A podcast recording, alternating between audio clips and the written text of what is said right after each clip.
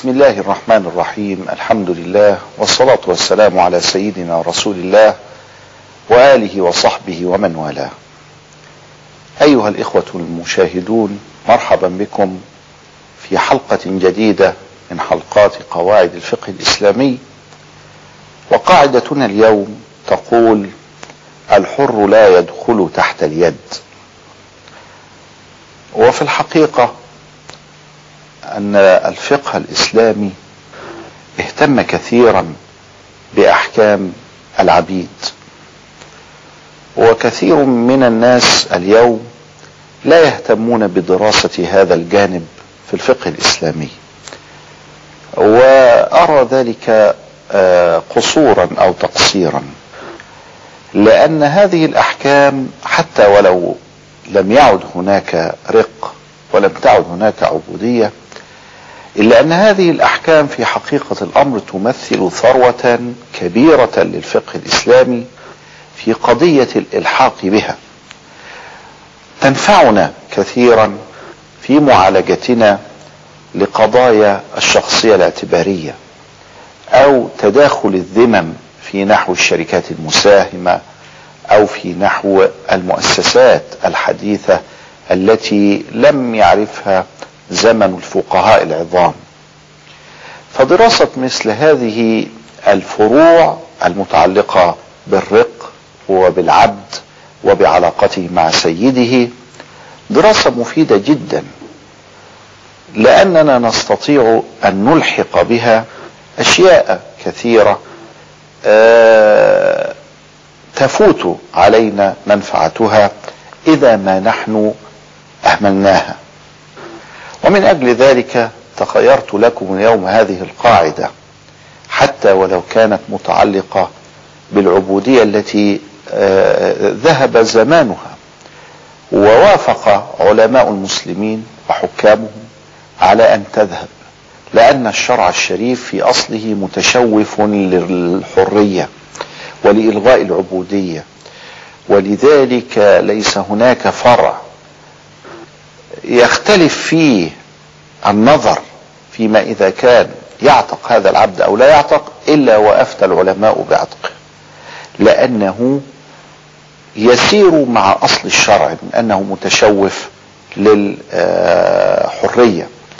ولكن دراستنا لهذه الناحية من مناحي الفقه الإسلامي تتأتى للاستفادة منها فيما قد حل بنا من مسائل معاصرة.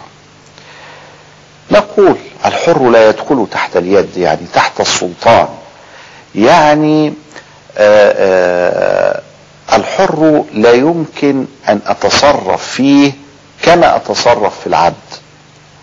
العبودية تنقل الإنسان إلى عالم الأشياء ومن أجل ذلك ولاحترام الإنسان كإنسان تشوف الشرع الشريف للعتق وجعله واسعا وسد كثيرا من منافذ الرق.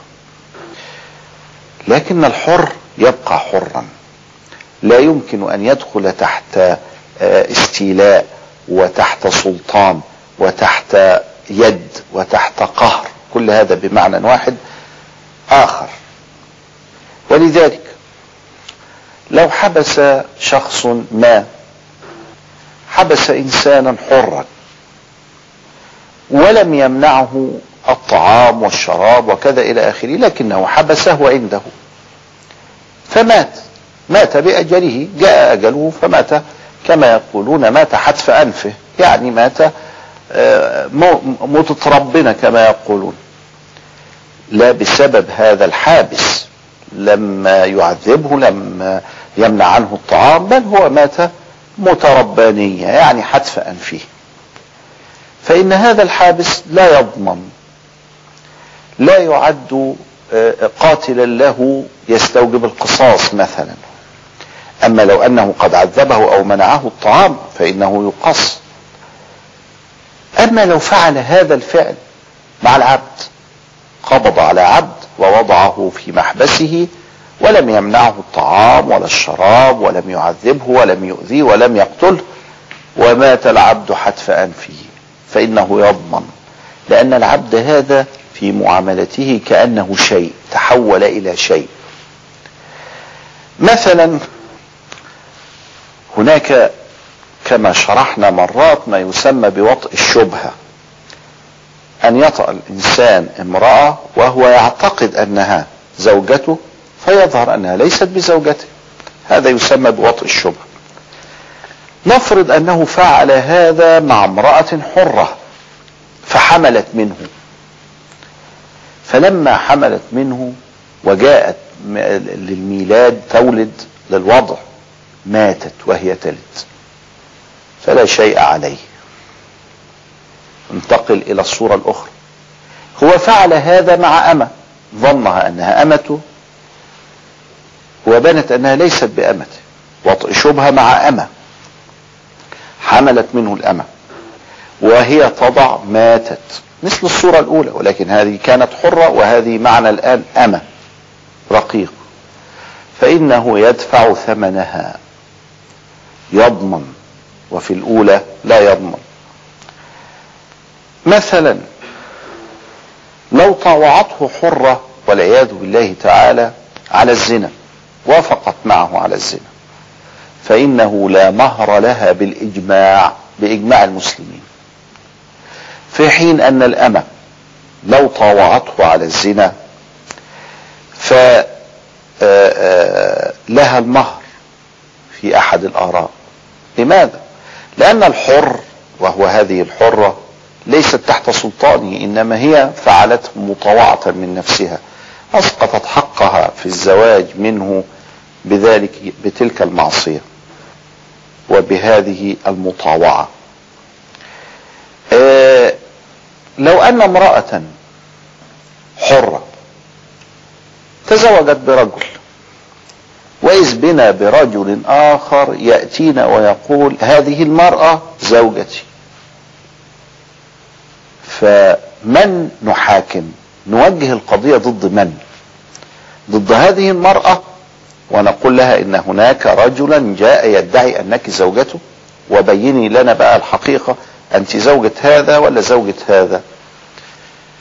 أو نوجه هذا إلى الرجل زوجها الذي يعد في صورتنا هذه الزوج الثاني إن صحت دعوة الرجل الأول هذا. فقال الحر لا يدخل تحت اليد. ما ما ذنب هذا الرجل وقد جاءته هذه المرأة وادعت أنها خالية من الموانع الشرعية وتزوجها فإذ بها متزوجة بآخر. فلأن الحر لا يدخل تحت اليد توجه القضية إليها. ولا توجه القضية إليه إلا إذا ظهر وبان أنه كان يعلم ذلك. ففي علمه بهذا تلاعب بالشريعة لأنه يعلم أن زواجه باطل وأن ما يتم بينهما إنما هو زنا وأن هذا حرام. أما إذا كان لا يعلم فإنه لا يؤخذ بجريرة هذه المرأة.